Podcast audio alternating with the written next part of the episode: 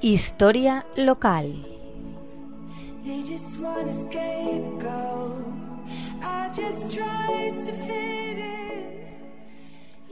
Buenas tardes, amigas y amigos de la Tegua Radio.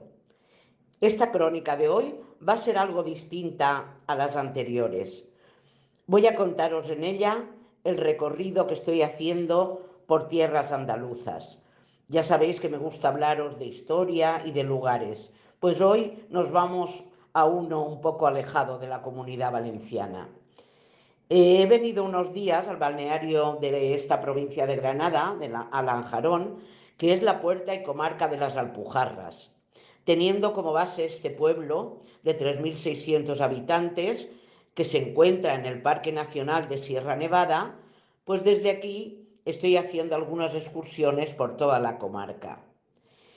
El nombre en árabe de Lanjarón es Ablancharón, que significa lugar de manantiales, y es totalmente apropiado para este lugar, ya que Lanjarón tiene una serie de fuentes de agua fresca y potable esparcidas por sus calles y plazas. La mayoría de ellas tienen inscritas poesías de Federico García Lorca.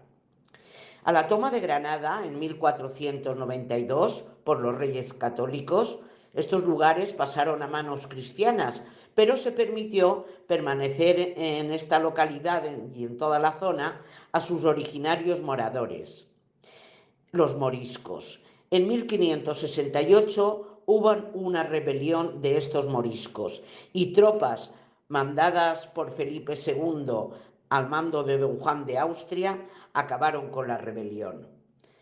De época árabe son las ruinas de su castillo, a las afueras del pueblo.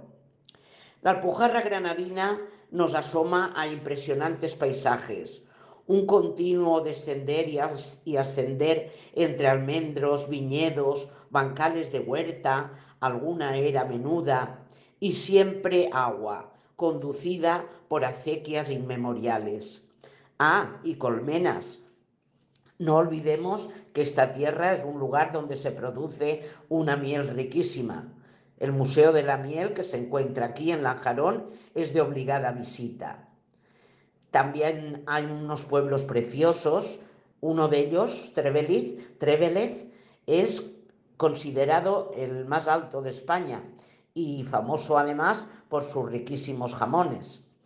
Ya bajando hasta la costa mm, está Motril, donde visitamos un interesante museo de la caña de azúcar un cultivo que ya ha desaparecido, pero que fue de la máxima importancia para esta zona. ¿Y a que no sabéis lo que me he encontrado por sus calles? Pues sí, una cara del agua. En realidad han sido tres iguales y con una granada en vez de cara. Es el símbolo de la ciudad de Granada. Pues una sorpresa muy agradable seguir eh, con, recordando las crónicas anteriores con el hallazgo de esta cara.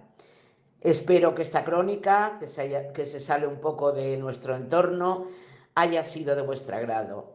Hasta la semana que viene, un saludo muy cordial.